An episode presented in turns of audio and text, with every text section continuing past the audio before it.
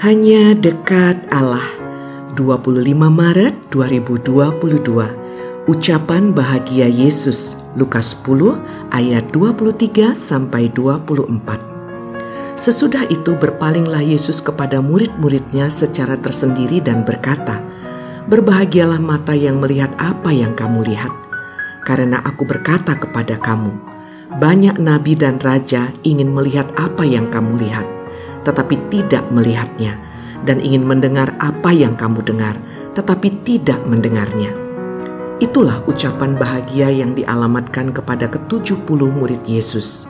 Sang guru sungguh bersyukur bahwa para muridnya boleh mengalami apa yang sebelumnya menjadi harapan dari banyak nabi dan raja. Entah mengapa, Yesus menyebut dua profesi yang tak biasa, dan pasti jumlah orangnya pun sangat sedikit dengan kata lain, para murid merupakan pribadi pilihan. Namun demikian, para murid tak perlu besar kepala. Pilihan itu memang membanggakan, namun tak perlu menjadikan diri mereka sombong.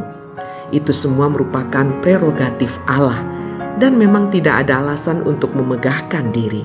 Mereka tak mungkin mengatakan bahwa diri mereka pasti lebih baik ketimbang nabi dan raja.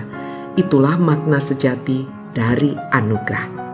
Sebenarnya, ucapan bahagia Yesus ini juga dialamatkan kepada kita, orang percaya abad ke-21.